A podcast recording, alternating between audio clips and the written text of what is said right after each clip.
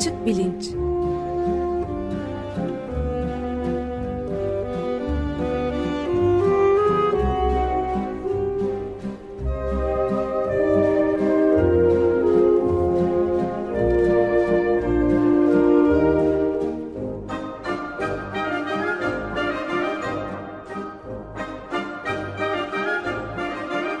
Güven Güzeldere ile bilim ve felsefe sohbetleri.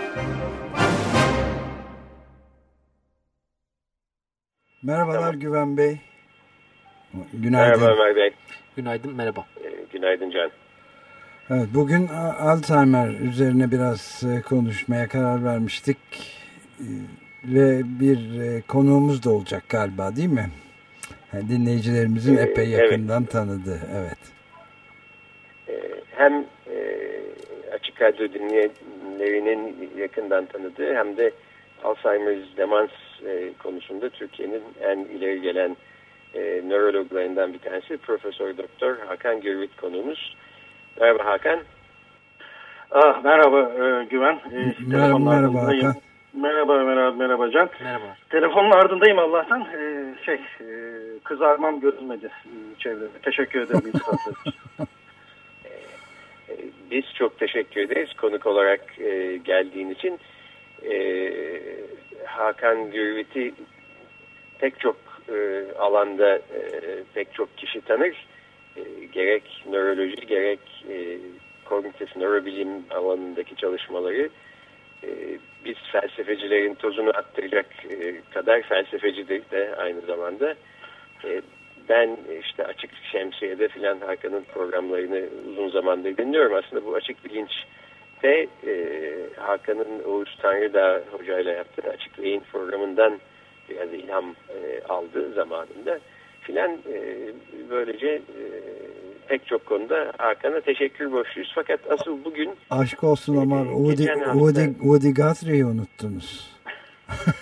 ha, bir de evet tabii aslında doğru yani bu, bu şey e, tamamını saymaya zaten imkan yok. tamam tamam yüzüm bayrak rengine döndü gerçekten. Çok teşekkür ederim bütün iltifatlar için. Evet, e, e, peki konuya o zaman e, giriyorum. Ben Alzheimer's Derneği'nin uluslararası konferansı senede bir kez olan e, Boston'da oldu. Bir e, iki hafta kadar önce Türkiye'den de bir nörologlar grubu e, gelmişti. Hem bildiri sunmaya hem ne oluyor ne bitiyor Alzheimer's hastalığı konusunda son e, bilgileri almaya. Hakan da bu Alzheimer's e, kongresine katılan nörologlar arasındaydı. E, buradan da hareketle Alzheimer's'ın beyindeki tezahürlerinden belki başlayıp kişilikle alakalı meselelere oradan da belki işte yani son dünyada Alzheimer's ve tedavisi konusunda e, ne oluyor ne bitiyor bunları Hakan'dan öğrenelim diye düşündük. E, ne dersin Hakan? Ha, peki e, e, gireyim o zaman e, Güven sen beni gerektiği yerde e, kes. Ömer abi tabii sen de.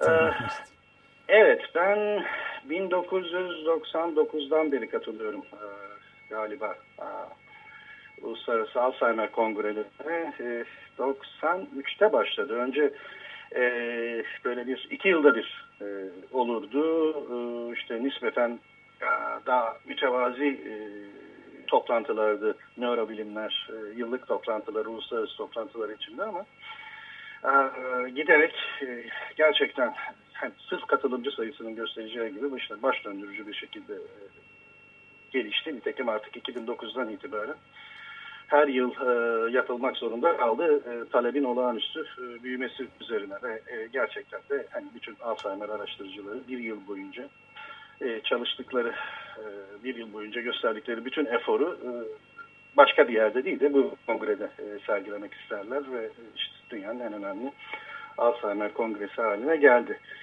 E, bu kongrenin tanıtımı. Peki Alzheimer'de e, neler oluyor? Hatırlayalım e, hastalığın isim babası e, Alois Alzheimer bir bir e, Alman 1906'da ilk e, bir e, vaka e, tarif etti. Bu genç başlangıçlı, e, e, erken 50'li yaşlarında başlamış bir e, zihinsel bozukluk sergileyen bir e, hanımdı. E, ve bundan 1906'dan e, bir 5-6 yıl sonra hocası Emil Kreper'in ilk kez işte o zamanın en ünlü nöropsikiyatri e, kitabın e, bu hastalığı Alzheimer hastalığı olarak tarif etti. O zamandan beri bir hastalık biliyoruz. Sonra enteresan bir tarihsel geliş var doğrusu hastalığın. Sırf orijinal vaka erken başlangıçlı bir vaka olduğu için e, 50'li yaşlarında, geç 40'lı, erken 50'li yaşlarda başlayan e, buna presenil demans dendi. Bir 70 yıl boyunca ve çok son derece nadir bir hastalık olduğu e, düşünüldü. Ta ki işte 1976'da e, birkaç İngiliz bulgusundan sonra Amerikalı Robert Katzman'ın bu temel bir toplum sağlığı problemidir. E, A Major Killer adını kullandıydı e, makalesinde.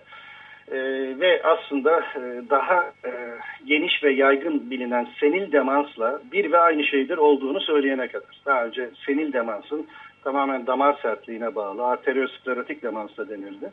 Ayrı bir şey olduğu düşünülürdü. Sonunda 1976'da yani ilk tarihten 70 yıl sonra Alzheimer hastalığının e, son derece yaygın bir toplum sağlığı problemi olduğunu anladık. Ee, demans, evet, dem, demans derken Hakan yani bunama diye de gün, bunama, gündelik evet, dilde evet. de kullanılan kelime tam, aynı. Tam da öyle. Evet. Tam da öyle. Bunama her nedense aslında e, öyle değildir etimolojisine bakılınca. Türkçe'de böyle bir pejoratif anlamı, biraz evet. e, sanki bir aşağılayıcı anlamı varmış gibi e, düşünüldüğünde e, işte tıpçılar da aralarında e, bunama lafını kullanmazlar da demans lafı kullanırlar. İşte demansı da biliyoruz aslında değil mi? Bir, Yunanca'dan e, Latin'e geçmiş. Mens zihin demek. E, demens zihinsizleşmek şeklinde işte karşılayabileceğimiz bir e, kelime. E, demans e, bir belirtiler topluluğu aslında işte e, zihinsel işlevlerimizin çoğul olarak bozulması ve bunun da e, günlük işlevselliği bozma şiddetinde olması şeklinde tarif edilebilir. Böyle olunca aslında yüzlerce demans nedeni var. Ama e, gelin ki işte sokaktan rastgele 100 kişi toplayalım, demans şiddetinde e, zihinsel bozukluk gösteriyor olsun. E, elimizdeki grubun 60-65'i Alzheimer hastalığına bağlı olacaktır. Yani yüzlerce nedeni olsa da tek bir neden e, diğerlerini e, misillerince kat kat aşan bir sıklıkta. Bu yüzden zaten işte e, bu kadar önemli bir e, toplum sağlığı problemi. Peki, Peki sonra ne oldu? Böyle olması.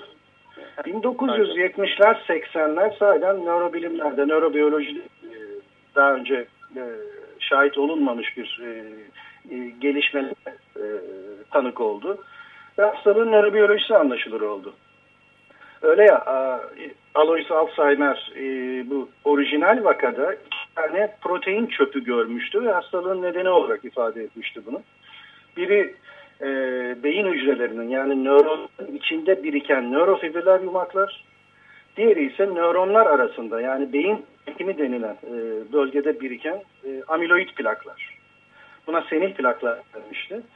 Erken gelişmeler bu yumak birikintilerinin içindeki proteinin ne olduğunu bu. Al proteiniydi bu. Ve e, plak birikintilerinin içindekilerinde e, bir e, amiloid e, proteini e, fragmanı olduğunu e, ortaya koydu. E, daha sonra hatta tuhaf bir e, şekilde araştırıcılar sanki bir dinsel fanatizmle kendi aralarında biriktiler. E, tau mu temel tetiği çekendir yoksa amiloid mi e, temel tetiği çekendir diye. Bu dinsel fanatizmi hatırlatırcasına amiloidçilere beta amiloid proteincilerin kısaltması olarak baptistler denildi. E, Taoculara da Taoistler e, denildi. E, 1990'lar e, nörogenetikteki muazzam gelişmeler görüldü ki hastanın aslında yüzde on e, kadar bir kısmını oluşturan e, yüzde beş ila on kısmını oluşturan ailevi Alzheimer hastalığı belki e, tüm sorumlu mutasyonlar amiloid genindedir. tau genindeki mutasyonlar ise hiçbir zaman Alzheimer hastalığına neden olmaz da başka bir demansa, frontotemporal demansa nedendir. Yatkınlık genleri bulundu daha sonra. Bu yatkınlık genlerine sahip olmak hastalığa mutlaka e, sahip olunacağı anlamına gelmiyordu da e, riskini arttırıyordu. Örneğin apolipoprotein E geninde e, belli bir lizoforma yani E4 e, aleline sahip olmak tek kopya ya da çift kopya sahip olabilirsiniz. E, ana babanızdan e, aldığınız e, kalıtsal materyalle tek kopya hastalık riskini 4 misli arttırıyordu da e, işte çift kopya sahip olmak 12-16 misli arttırıyordu ama mutlak e, neden değildi. Oysa ki diğer e, mutasyonları taşıyor olmak mutlaka e, hastalığa e, neden olacak. E, bu bütün yatkınlık genlerinin de amiloid üzerinden çalıştığı e, ortaya çıktı. Ve e, amiloid kaskat hipotezi denilen bir hipotez gelişti 2000'li yılların başında. Diyordu ki işte tetiği çeken amiloiddir, e, tau ise bir, bir epifenomendir. Daha sonra e, gelen, daha sonra yerleşen e, bir fenomendir ve e, bu öyle bir bu hipotez öyle bir e, fonlama pratiğinde dönüşüme neden oldu ki artık bütün öncelikle Amerikan fonlama e, enstitüleri işte Ulusal Yaşlılık Enstitüsü olsun, e, NICDS olsun, NIA olsun, NIH olsun, Ulusal Sağlık Enstitüsü milyonlarca dolara artık amiloid e, çalışmalarına ayırır oldu. E, unutuldu, geri planda kaldı. E, hastalığın nedenine yönelik yani e, amiloid birikimini engellemeye yönelik e, stratejiler milyonlarca milyonlarca dolar almaya başladı.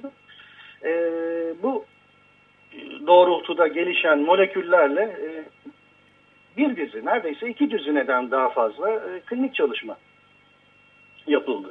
Bu başlangıçta e, çok büyük bir heyecan yarattı. Tamam artık hastalık nedeni bulundu, e, bulunacak e, ve engellenebilecek e, diye düşünülüyordu. Oysa ki bütün bu çalışmalar e, negatif sonuçlandı.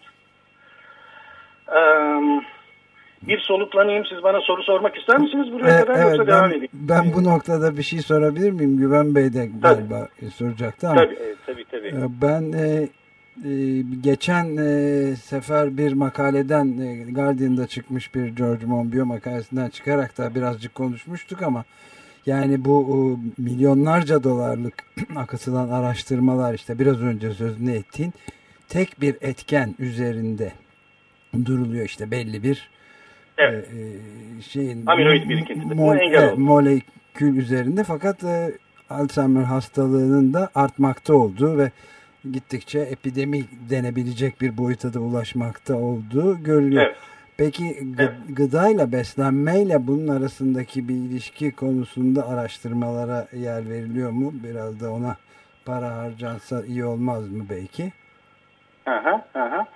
Kuşkusuz, e, kuşkusuz amiloid meselesine dönelim e, yeniden. Kuşkusuz e, şey defalarca gösterildi.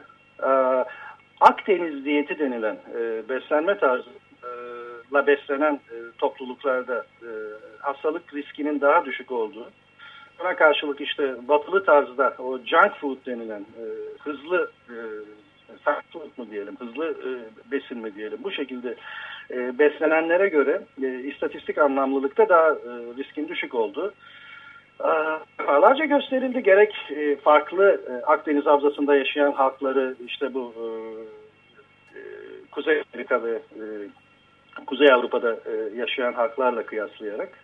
Ve gerekse de aslında e, çok e, önemli bir çalışma Columbia Üniversitesi'nden de bundan 3-4 yıl önce Manhattan'da e, yaşayan e, bir popülasyonu Akdeniz diyetine uyma e, tarzlarının e, bir stratifiye ederek e, karşılaştırdı ve e, işte doğal olarak e, bu pozitif bir çalışma. Yani çok fazla Akdeniz diyeti tarzı beslenen e, Manhattanlılarda junk food beslenenlere göre ya da en az ona uyum sağlayanlara göre işte risklerinin daha düşük olduğunu gösterdi. Yalnız Alzheimer hastalığı için değil, genel olarak zihinsel bozulmaya daha dirençli olduklarını gösterdi.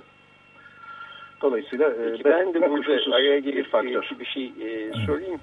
E, şeyin öncesine gelecek olursak yani 20. yüzyılın başında e, adı konuluyor e, hastalığın. Fakat tabii daha önceden de adı konmadan da bu hastalığın olduğunu düşünmek mümkün Alzheimer'ın.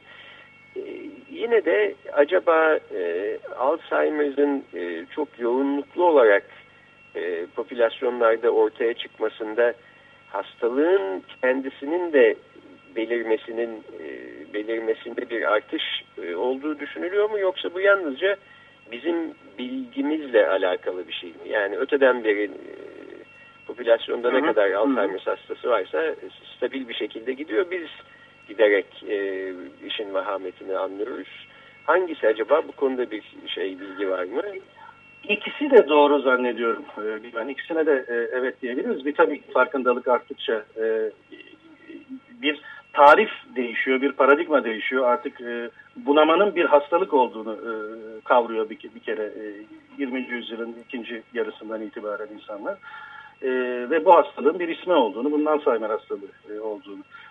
E, bütün kültürlerden bağımsız bir şekilde, bütün dünyada yapılan epidemiolojik çalışmalarda yaş başlıca e, risk faktörüdür. Daima bir numaralı çıkan. Demek ki e, yaşlanmayla Alzheimer hastalığına yatkınlık arasında e, bir e, ilişki olması gerekir. Buna dair çeşitli e, teoriler var. Bunlardan en makulü e, plastiste yatkınlığı teorisi gibi görülür. Yani ne demek? E, aslında bizim genlerimiz e, 30 bin yıl önceden e, avcı toplayıcı atalarımızdan e, miras kalan genlerimiz ve ve genlerimiz bizi 30 yaşlarında, 30-35 yaşlarında e, e, öleceğimizi zannediyor. Buna karşılık işte moderniteyle birlikte e, misillerce, önce tarım toplulukları sonra modernite, ömür beklentisi e, misillerce artıyor.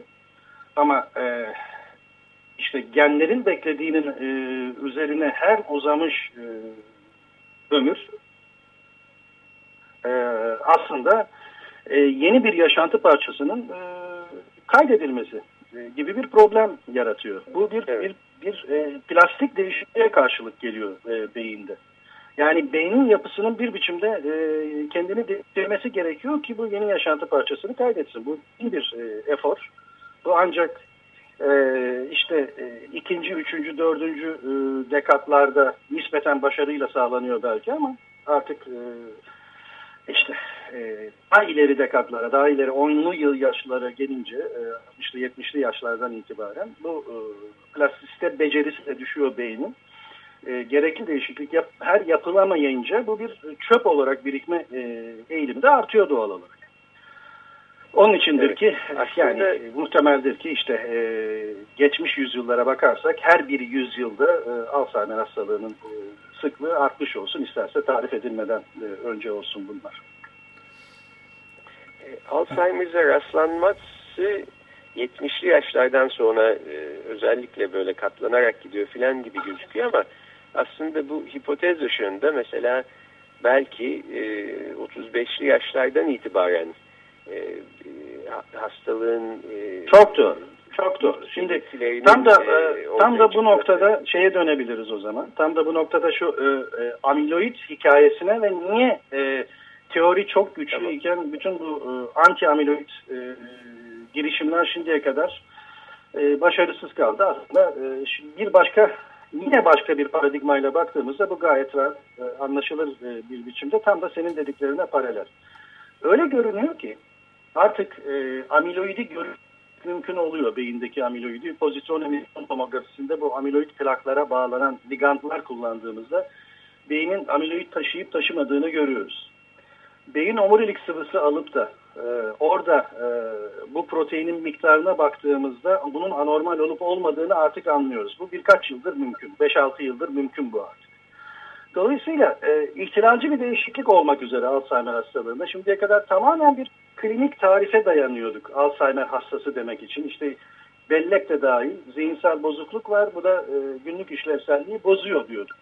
E, bu tamamen klinik bir tarif. Şimdi artık bir takım laboratuvar işaretleyicileri de, laboratuvar yöntemleri de kullanmak mümkün. Amiloid, e, beyinde amiloid birikintisi olup olmadığını söyleyebilecek işte pozitron emisyon tomografisi yapmak, beyin omurilik sıvısına bakmak gibi.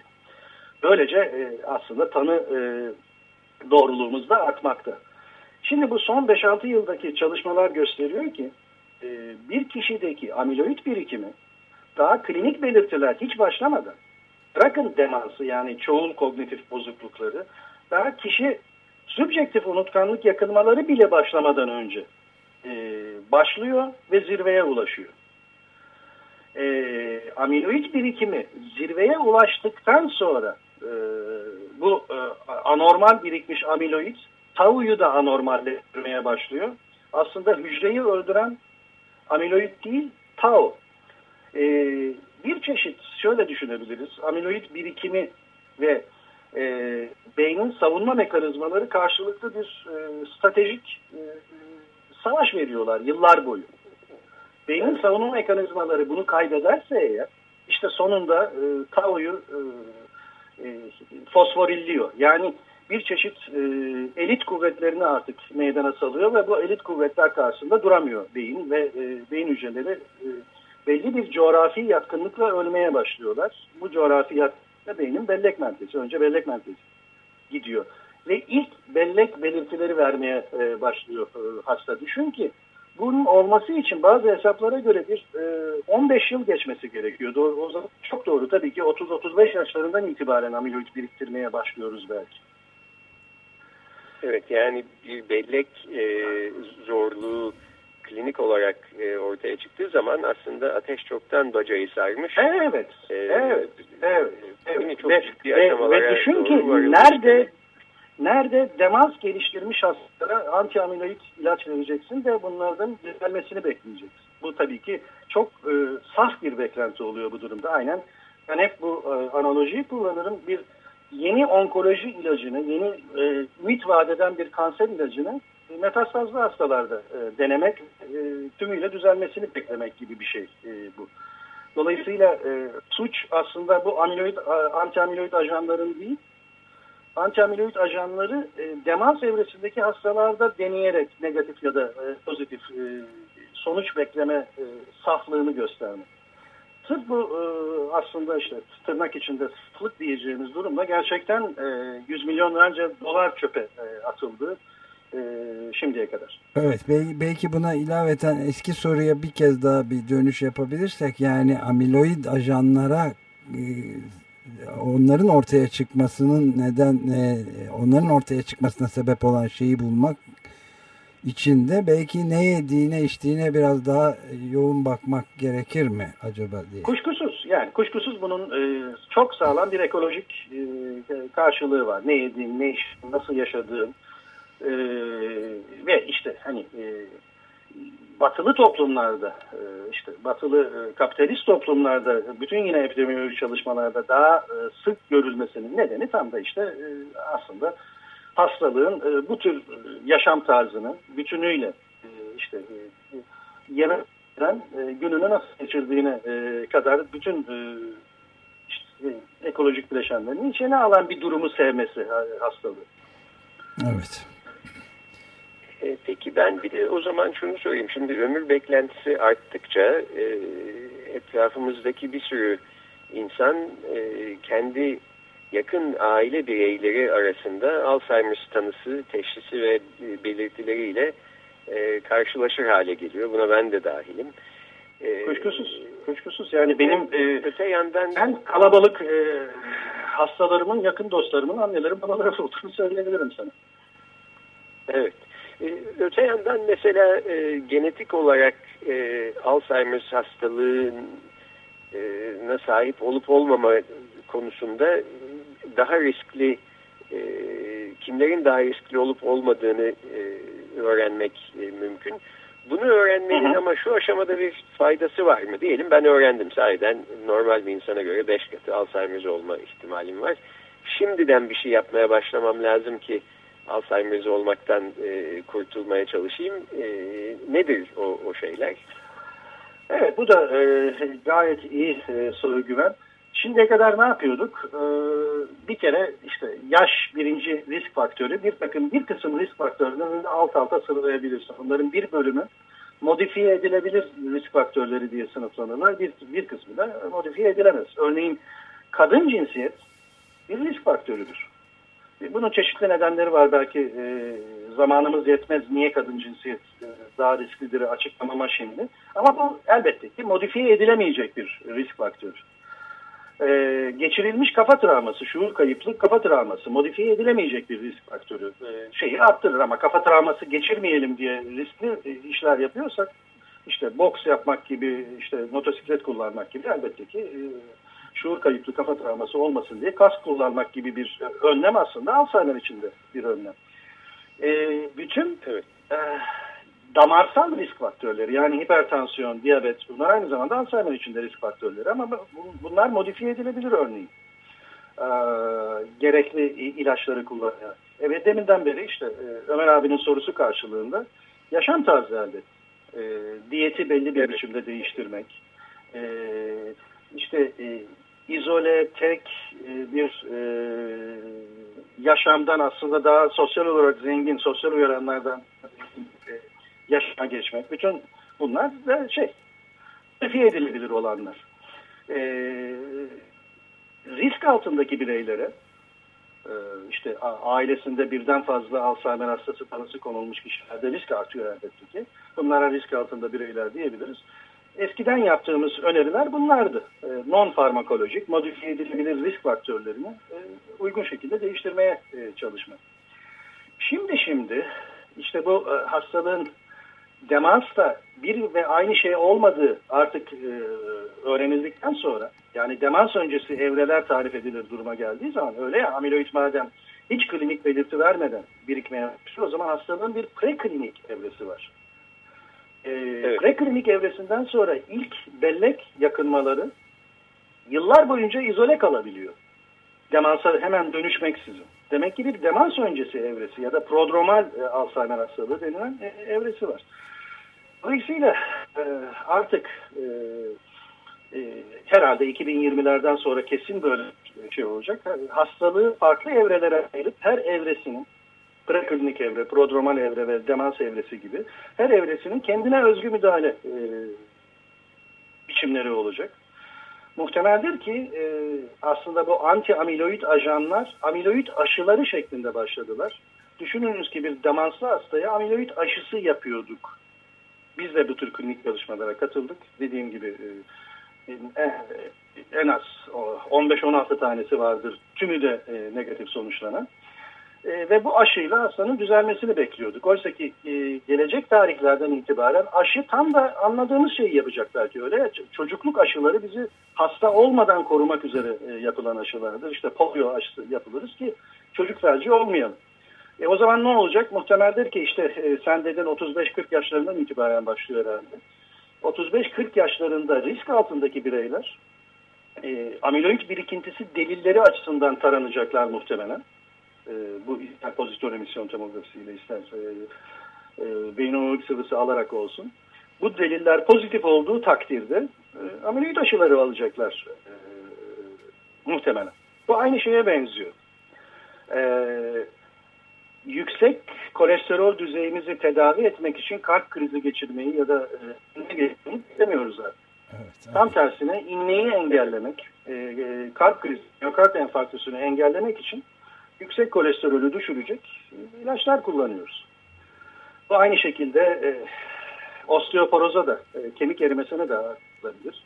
E, bir patolojik kemik kırığı olmasın diye işte menopoz sonrası kadınlarda osteoporoz taranıyor.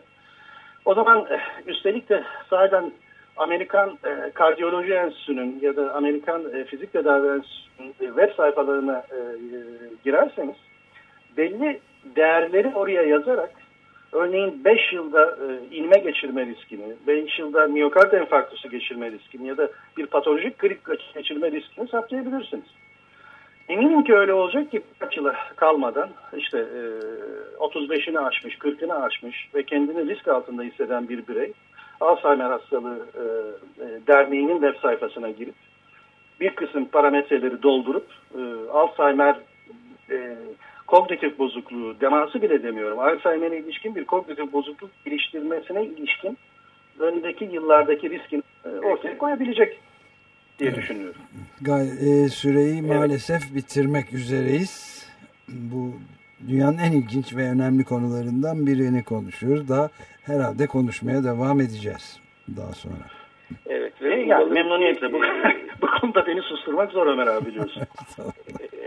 Yok yok Hakan'ın da söyledikleri ışığında bu büyük e, katil bir, bir şekilde bertaraf edilebilsin yakın e, bir gelecekte e, kontrol alına, e, altına alınabilsin. Peki e, Hakan Gürvit konuğumuzdu. Profesör Doktor e, İstanbul Üniversitesi Çapa Tıp Fakültesi Nöroloji Ana Bilim Dalı Başkanı kendisi. E, çok teşekkür ediyoruz Hakan. Çok teşekkür ederim. Ben çok teşekkür ederim. Herhangi bir e, bilişsel e, ya da hafızayla ilgili bir e, zorluk e, çektiğimiz anda e, kapını çalacağız demektir. Bunu da söyleyeyim. evet, evet. Derhal e, büyük bir iğneyle lomber fonksiyonunuzu yapacağım. Peki çok teşekkürler. Haydi. Programı İyi günler. Hoşçakalın. Görüşmek üzere. Bu şekilde kapatıyoruz. Görüşmek üzere. Görüşmek üzere.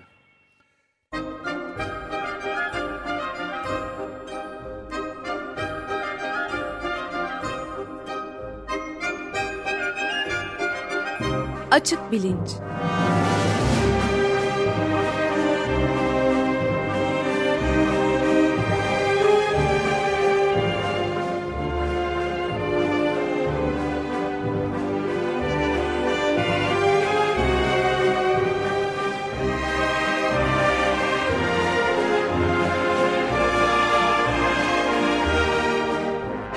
Güven Güzeldere ile bilim ve felsefe sohbetleri.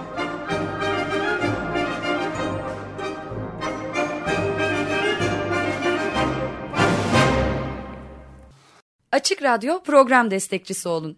Bir veya daha fazla programa destek olmak için 212 alan koduyla 343 41 41